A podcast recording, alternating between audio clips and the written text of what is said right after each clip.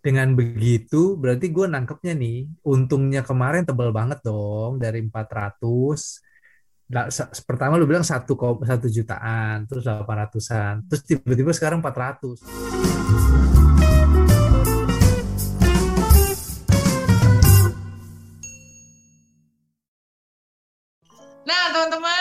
balik lagi sama kita di sini. Yang belum tahu kedatangan eh, sarjana baru di sini, cekidot di episode sebelumnya ya. Nah, sekarang kita mau lanjut bahas tentang sarjana baru kita. Cus, yuk! tadi kan lu bilang ini ya apa eh, pemerintah nurunin harga nih ya kan Hmm, Nah, bisnismen eh, bilang keuntungannya dibatasin nah hmm. Itu kenapa nggak dari dulu pandemi udah berapa Hmm. lama berapa tahun Udah setahun lebih. Setahun setahun lebih. mau Setahun mau lebih. dua tahun iya iya setahun lebih mau dua tahun Tahun lebih. lupa lah ya. gila enak banget ya pebisnis pebisnis ya ibu Asdos boleh dijawab Kalau dibilang pebisnis eh, enak banget, ada yang enak, ada yang enggak juga. Buktinya banyak bisnis-bisnis yang mati pada saat pandemik, tapi ada juga bisnis-bisnis yang eh, booming pada saat pandemik gitu. Hmm. Tapi gue punya jawaban nih terkait sama pertanyaannya Ko Mario, kenapa sih si PCR ini nggak dari awal aja pemerintah bilang kasih kebijakan, eh lu jangan mahal dong gitu ya. Nah, gini, gampangnya gini, kita akan, nah, tolong ya Andrew, tolong bawa buku catatannya, ya, ambil bolpen, sekarang kita akan belajar matematika. bu hari ini udah zamannya HP dan digital jadi saya nggak perlu bawa buku untuk mencatat. Saya sudah merekam ini sih bu. Gitu Jadi tolong ini disiapkan otaknya ya, karena kita sekarang lagi mau hitung-hitungan gitu ya. nah itu udah Ini gua gadai soalnya jadi- kalau otak gua nggak next next Jadi gini, jadi sebenarnya eh, apa namanya tadi kan gue sempat bilang tuh di awal kalau misalkan PCR itu eh, pas awal-awal tuh lama gitu ya. Orang tuh baru PCR aja, baru PCR tuh kayak kan ada yang tuh orang udah keburu meninggal PCR baru keluar gitu kan. Ada takes 1 sampai dua minggu untuk eh, apa namanya proses eh, apa namanya pengerjaan si PCR ini waktu dulu awal awal sekali pandemik itu eh, kita baru mulai lah ya gitu. Nah, semakin ke sini kan eh, ternyata kebutuhan PCR ini kan tinggi banget. Dulu yang punya mesinnya PCR itu hanya pemerintah, yaitu adanya di Litbangkes gitu ya.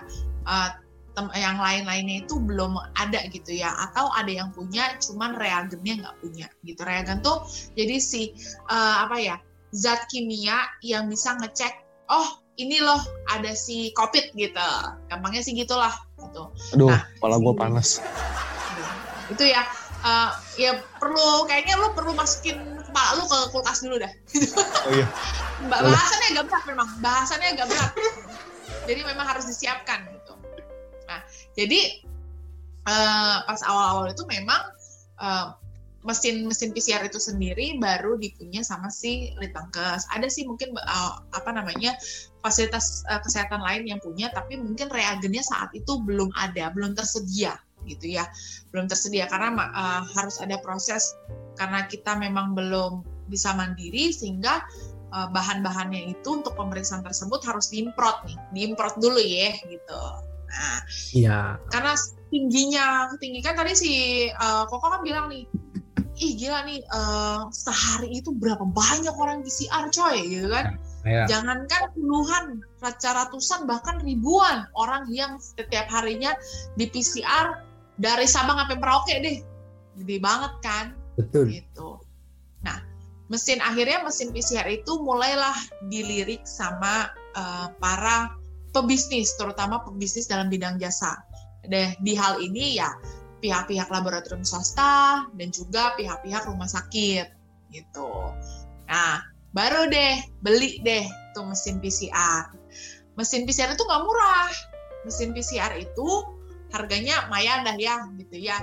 Eh, ada pokoknya nggak nggak goceng ceban lah ya harganya nggak goceng ceban nih gitu iya gitu pokoknya ibarat kata tuh kalau misalnya uh, lu beli apa namanya lu beli es krim yang viral itu tuh yang harganya 2000 3000 perak tuh ya mungkin itu bisa memenuhi uh, satu lapangan bola lah kurang lebih tuh. Itu kurang lebih harganya uh, ini PCR segitulah dihitung sendiri lah ya pokoknya satu lapangan bola tuh penuh sama tuh es krim 2000 nah lu lu hitung dah.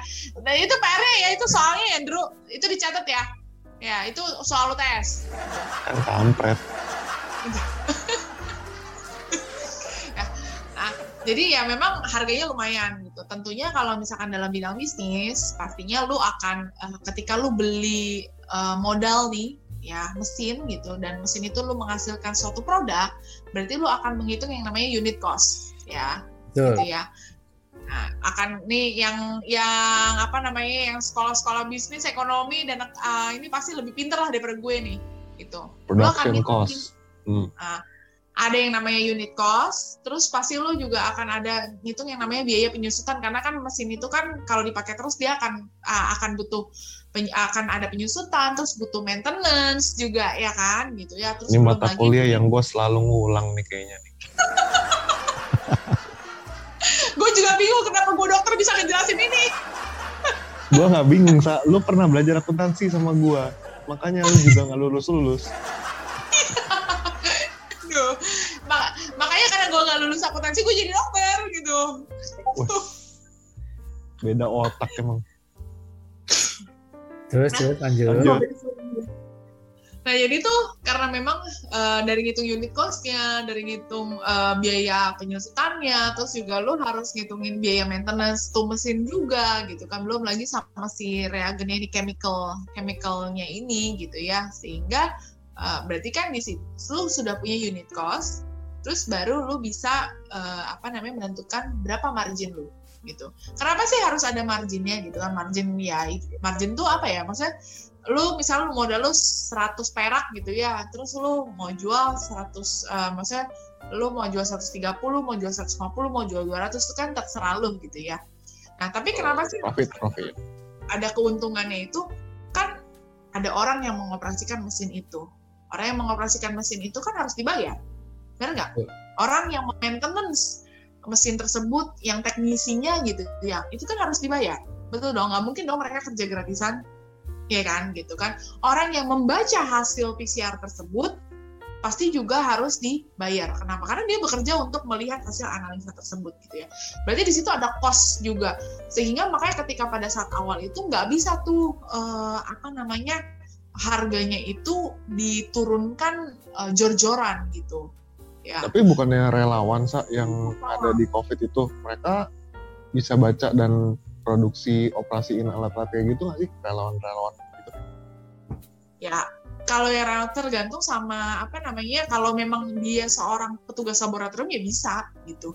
Bahkan kemarin aja kan maksudnya petugas laboratorium aja kan nggak semuanya bisa menggunakan alat PCR sehingga mereka juga perlu dilatih terlebih dahulu gitu ya. Jadi karena ya karena itu beda alatnya berbeda alatnya khusus gitu ya. Jadi kan harus lu belajar lagi gitu loh.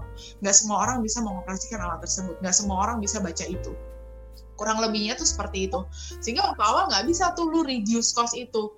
Nah tapi ketika uh, karena tadi permintaan tinggi kan sehari ribuan orang gitu atau mungkin bahkan jutaan orang yang uh, diperiksa PCR betul kata si Komario. Berarti lo ada cuan dong.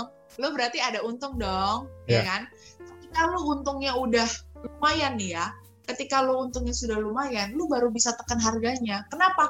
Karena udah karena yang punya udah lebih banyak. Yang bisa make udah lebih banyak.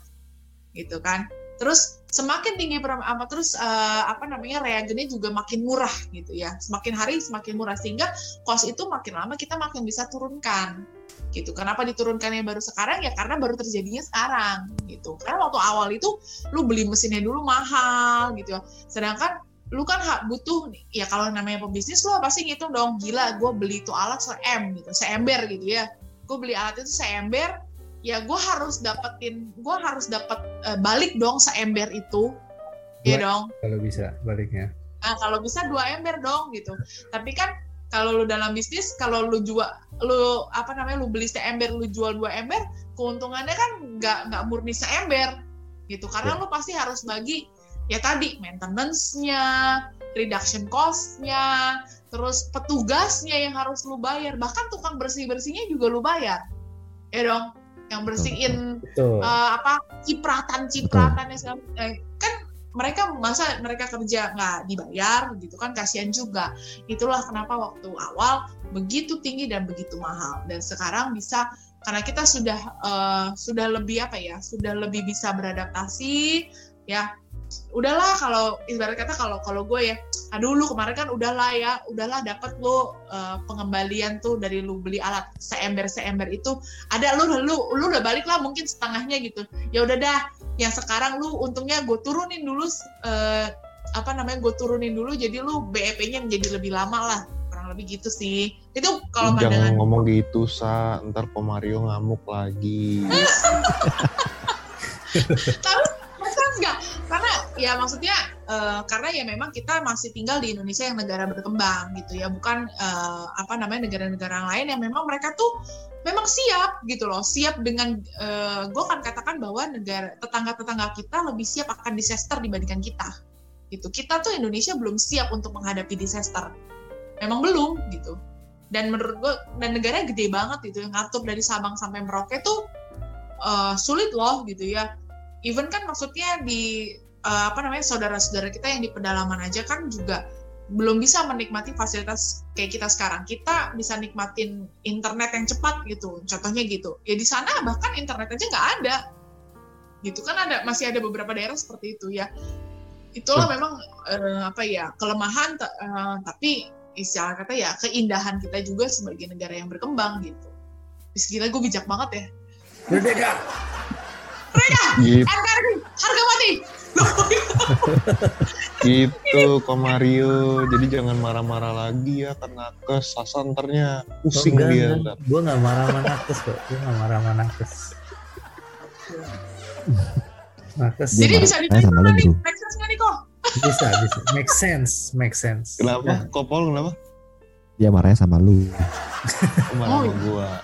Kenapa lu lu kompor-komporin lagi? Udah tahu kalau kan kompor-komporin lagi, marahnya sama lu. Kan gua suka bawa minyak nah, nakes nakes nggak Woman tahu nakes nggak tahu Always right. Remember that. Iya. Woman always right. Remember. oke kita ke kanan I'm the eh, only ke woman in here. ya. udah lah dia ya sekarang. dan dia satu-satunya doang yang punya. Satu-satunya Iya. woman yang di sini, Bro. Bahaya. makanya dia doang yang di kanan Ya udah lah kanan lah. Gitu. Iya iya. Nah eh, lanjut ya kan tadi jadi ceritanya itu masih dengan penyintas COVID yang sudah jadi sarjana sekarang gitu ya. Ada masih ada lanjutan ceritanya ya, Ko Mario ya. masih dong organik Nah, gimana tuh gimana tuh? Ya, Lanjut. lanjut Ah, nih. tapi sebelum itu, sebelum itu gue mau tanya dulu deh, Bro Mario. apa tuh Anak lu itu nggak mau nggak mau pakai masker emang emang dia memang nggak mau atau nggak bisa pakai masker? Kan memang belum boleh kalau di bawah 2 tahun kan nggak boleh pakai masker jadi pakainya face shield dia pakai face shield mau Soalnya anak gua nggak mau pakai masker. oh nggak mau gue belum coba Nggak sih mau. karena selama ini pakainya face shield Ya. Oh, oke oke oke. nggak tahu nih nanti kan udah mau 2 tahun ntar 2 tahun dipakai masker Mhm. mau apa enggak nggak tahu deh Oke oke oke. tapi face shield dia mau Face shield mau ya? mau jadi pakai face shield lucu kalau jalan-jalan orang-orang bilang lucu pakai face shield mau anaknya dia maunya pakai masker gitu beda-beda ya namanya juga anak-anak Iya, anak-anak lah. Ya, ya dia terinspirasi dengan Mr. Starks. gitu.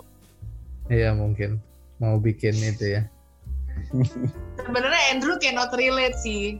Andrew cannot relate. Masuk ah masuk. Bawel lo. lo Aduh gue. Selalu udah punya anak belum sih Sa?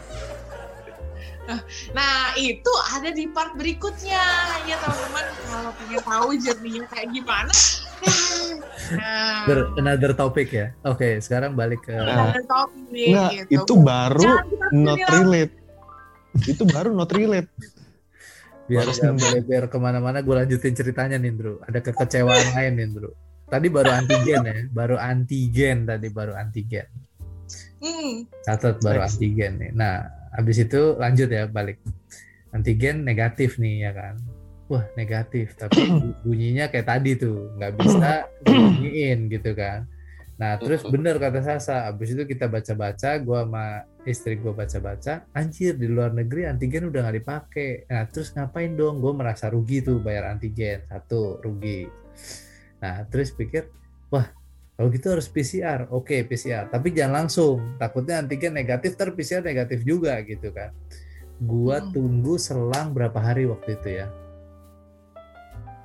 Gue lupa persisnya tapi nggak sampai seminggu. Nggak sampai seminggu mungkin hari keempat atau kelima setelah antigen itu gue PCR dengan masih gejala tuh.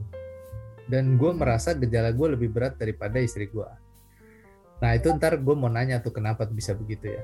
Nah terus udah gitu eh, eh, apa PCR udah gue lakuin nungguin hasilnya negatif lagi dong.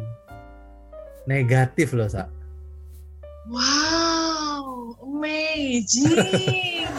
makanya terus makanya terus berarti perkiraan gue pertama gue merasa bener nih gue bilang ah gue nggak mungkin covid. Nih gara-gara gue kurang tidur doang. Gue bilang kan kan, kan gue ngerasa gitu. Kenapa gue merasa nggak perlu tes? Cuman kan gue melakukan tes karena keluarga semua keluarga besar khawatir dan disuruh tes. Karena menurut gue tes itu kayak monetis monetisasi ya monetisasi doang gitu loh. Dagelan doang dan ter itu terbukti pas antigen begitu. Wah gua makanya gue sebel nah habis itu nah habis itu PCR pun begitu lu seneng banget kayaknya kalau gue sebel dulu nah terus Emang itu kerjaan dia, emang itu kerjaan dia. Lu gak tau kan selama Bah. ini kan. Bahan roasting gue ya begitu kok. lu jangan sampai DO juga kayak gue Minta gak. Eh, gue nggak DO sih Lu gue pindah kampus pindah jurusan Sasa mau jurusan marah-marah. covid lu gak tau tuh Sasa marah-marah kan gara-gara dia juga tuh. Lu mau tahu ceritanya yang mana? Lihat episode, eh, lihat episode sebelumnya deh.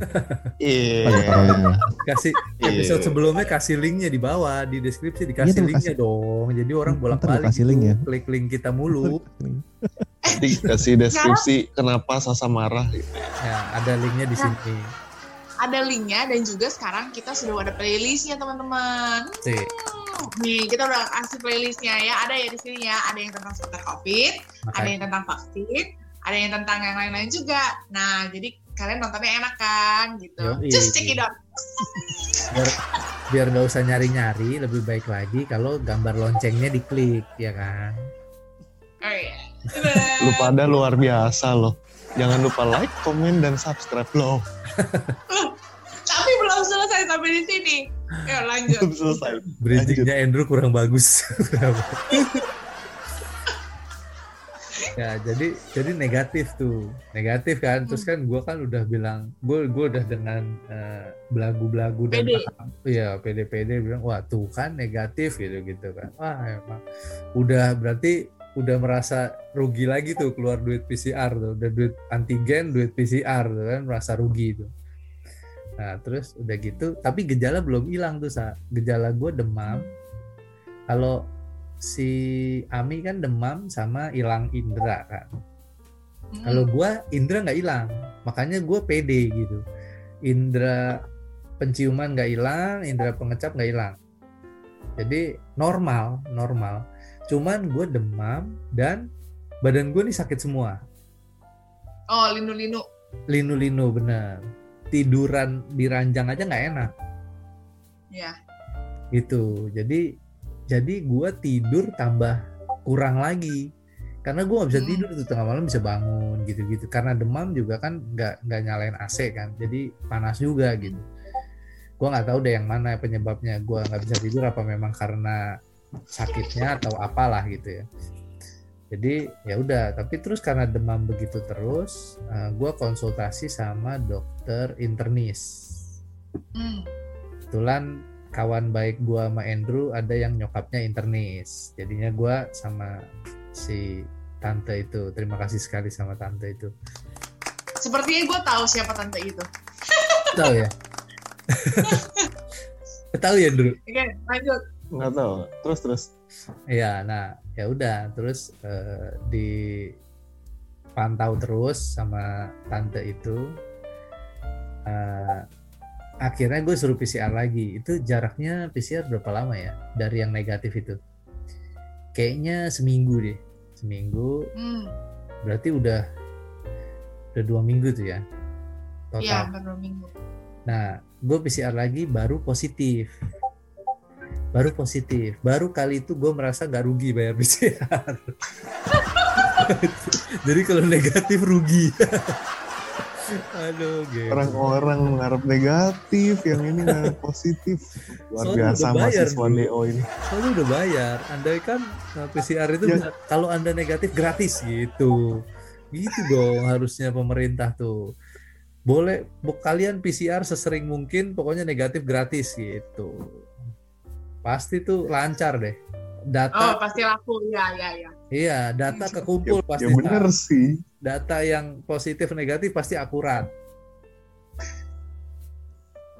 Nah, Belum akhirnya tentu positif. kok.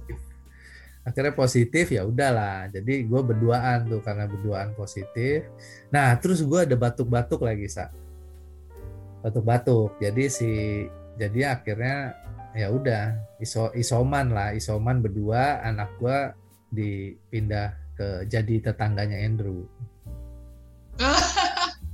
Iya, iya, iya. Iya iya, gua saksi hidup kok. Itu pagi-pagi dia jalan pagi gitu kan jalan. oh terus Ma, gua- Om Andrew Om Andrew gitu Iya, gua sih nggak nongol gitu. Ma gua yang nongol di balkon gitu kan manggil-manggil gitu kan. Hai hai gitu terus dia ngeliat gitu. oh gitu ya Ya gue inget ya gue inget momen itu kok tenang aja kok. gue nggak tahu nggak diceritain tuh bagian itu Iya terus ya ma gue kan nggak tahu gitu kan. Ya gue bilang aja. abis abis abis dia nanya berkali-kali, wah itu masih covid, itu masih covid. oh emang nggak bilang ya Enggak, gue nggak bilang. Gue nggak bilang. Abis itu kayak eh, berkali-kali kan, ma gue itu kenapa? Anaknya Eh, dititip nyokap, gitu kan. nyokap gue nggak bilang maksudnya Enggak, gue nggak bilang. Sampai sampai ma gue bingung kenapa gitu kan. Baru akhir-akhirnya gue ngomong, oh iya lagi Nah, itu itu lagi itu, soma. itu itu yang juga gue bingung tuh sa kenapa ya kenapa ya orang covid kok pada takut ya gue covid gue bilang-bilang lu maksudnya biasa aja gitu kemarin Hmm. setelah gue sembuh gue ke sana dulu gue ke sana terus makan beli Hmm. gue ngomong aja gue habis covid emang kenapa maksudnya kenapa orang kenapa orang kayak covid kayak Gini gini kok. habis kena raja singa iya. gitu. Lu lu udah berapa lama negatif terus baru lu makan di situ? nggak lama kok Eh, seminggu dua minggu? iya udah pasti nggak nggak mungkin besoknya nggak seminggu Iya. Ya. Nah gini loh, gua sih pribadi gue juga eh, orangnya yang kalau denger eh gue covid tapi gue udah sembuh udah sekitar dua minggu lebih gitu ya udah kalau gue sih biasa aja gitu loh cuman kan Hmm. Kadang-kadang ada orang yang nggak kayak gitu. Ya gue baca berita nih ada yang udah sembuh udah sembuhnya udah sebulan atau bahkan kayak si Sasa nih dia nakes gitu kan.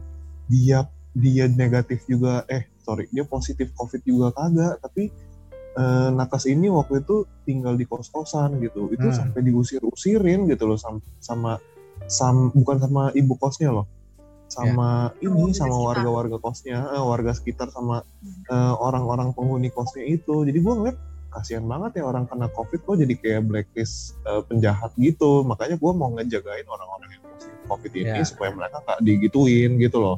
Ya ya guanya sih nggak apa-apa kalau gua denger oh lu covid ya udah lu jaga kesehatan ya gitu loh kalau gua. Ya, tapi ya gua juga nggak- nggak nggak datengin dia juga sih gitu kan.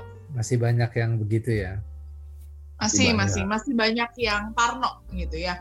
Padahal sebenarnya kalau orang eh, apa udah sembuh lu udah negatif ya itu seben ya ya udah udah selesai gitu. Lu udah nggak lu sudah melewa, melewati masa penularannya gitu.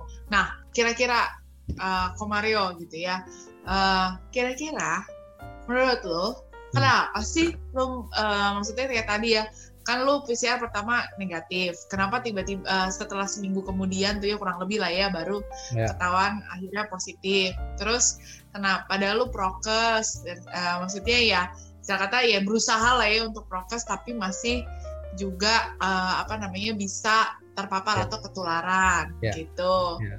Nah, terus uh, kenapa juga gejala lu mungkin ih kok uh, istri gue lebih baik nih dibandingkan gue nih. Gue kok kayaknya agak lebih berat dibandingkan istri gue kan gitu ya? Iya betul. gitu. Betul. nah jadi Tunggu, uh, tunggu. kira-kira sebelum sebelum sebelum lu jawab Sa, sebelum lu jawab terus kan juga ada ada ada kasus lagi nih yang yang gue tahu ya. Gue tahu public figure nih public figure. Si eh, Om Deddy Om Deddy. Om Deddy juga, oh iya, iya, iya. Om Deddy kan juga cerita tuh. Dia kan keluarganya pada covid. Dia yang ngerawat. Ya dia yang ngerawat betul dan dia nggak tertular sampai akhirnya dia tertular. Nah terus eh, yang menarik lagi pas dia tertular kan sekarang lagi viral lagi tuh gara-gara si Askanya kan anaknya, anaknya eh, eh, itu gue salut sih sama hubungan father and son mereka itu tuh hebat sekali. Nah Yes. si Askanya tuh kan sempet nemenin tuh tidur bareng pada saat si Om Dedinya eh, apa positif ya. Askanya kan iya. nggak positif tuh. Dia nemenin tidur bahkan sampai Askanya minum minum gelasnya bekas Om Deddy nih dengan dengan alasan dia pengen kena covid juga gitu kan. Iya biar bisa nemenin papanya. Ya bilang. betul. Nah terus kan sampai sekarang dia negatif tuh nggak positif tuh. Nah kan bisa begitu tuh gimana coba? Sekalian penjelasannya gitu kan. Uh. Ini gue bisa jawab, tapi gue nggak jamin gue bener kok.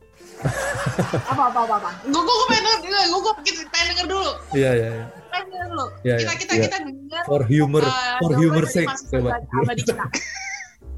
Ini jawaban jawaban orang awam, mahasiswa yang belum lulus lulus gitu kan. Eh, Kalau kalau menurut gua ya pasti imunitas sih kok. Orang kan biasa aja gitu kan. Eh, di di luar sana juga ada nakes yang tiap hari interaksi sama eh, penyintas covid gitu kan atau yang lagi kena covid terus dia nggak kena kena covid tuh gitu Ya. itu pasti gara-gara imunitas intinya sih kalau gua tangkapnya gitu ya ya Nah, dan pasti ini jawabannya kurang jelas nih. Makanya perlu diperjelas dengan ibu asisten dosen gue. Monggo, Bu. Tetap aja dilempar ya. dan tempat dipersilahkan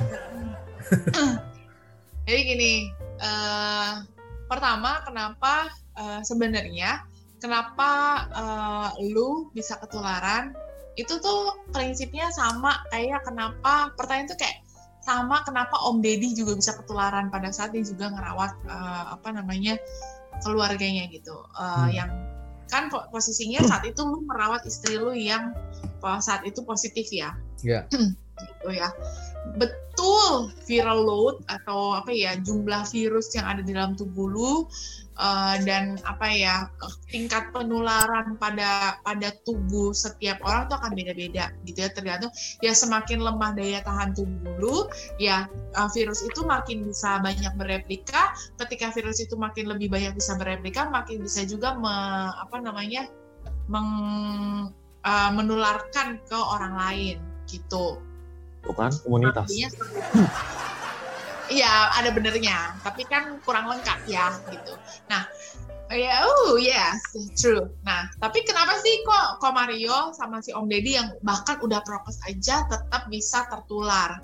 Karena gini, meskipun lu dengan prokes, jadi eh, kan kita dulu gue sudah pernah jelaskan di video tentang COVID kita yang pertama, jadi di cekidot ya di sebelah sini. gitu linknya ya. Nanti bawah linknya ya ya tinggal dilihat aja.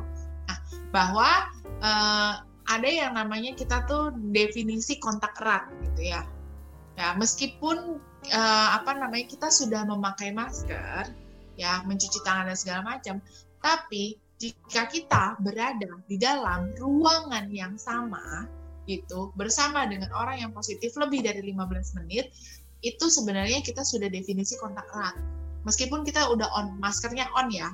Nah kan Komario tadi masker on, tapi kan Komario nganterin makanan buat istri. Posisinya masih satu apartemen dengan istri kan apartemen itu eh, apa namanya? Gue tidak mengecilkan teman-teman yang tinggal di apartemen ya, tapi apartemen itu kan memang ruang geraknya terbatas ya, gitu ya. Bukan eh, apa namanya? Mungkin lu punya rumah segede lapangan bola gitu dari ujung ke ujung gitu kan, gitu. Tapi kan kalau apartemen kan lu lebih kompak gitu, sehingga ruang gerak lu ya di situ-situ aja.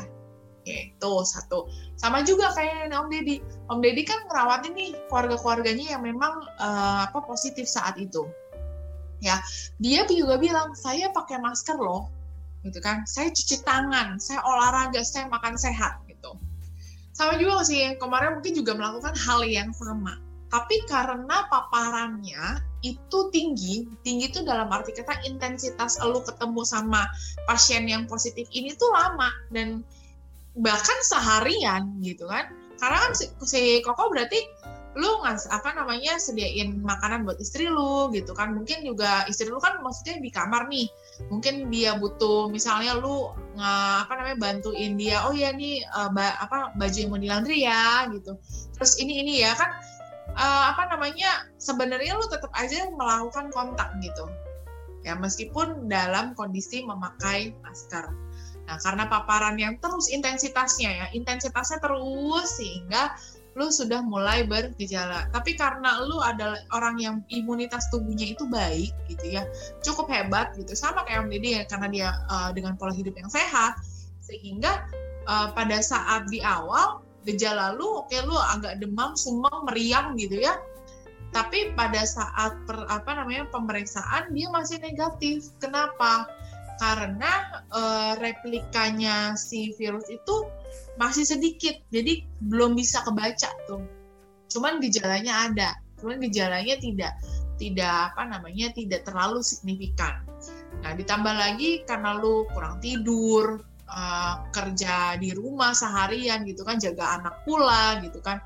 Uh, tadi juga apa namanya karena lu juga jam tidurnya uh, pendek banget gitu ya sehingga itu berpengaruh uh, ya jadinya ya itu lu bisa uh, apa yang membuat imunitas lu tuh lebih turun lagi. Nah, dan nggak cuma sampai di situ aja. Sebenarnya penjelasan ini masih panjang, cuman ini akan jadi PR buat mahasiswa kita yang ada di episode berikutnya. Jadi sambil kita nungguin sponsor ini lewat, ya kita cut dulu sampai di sini.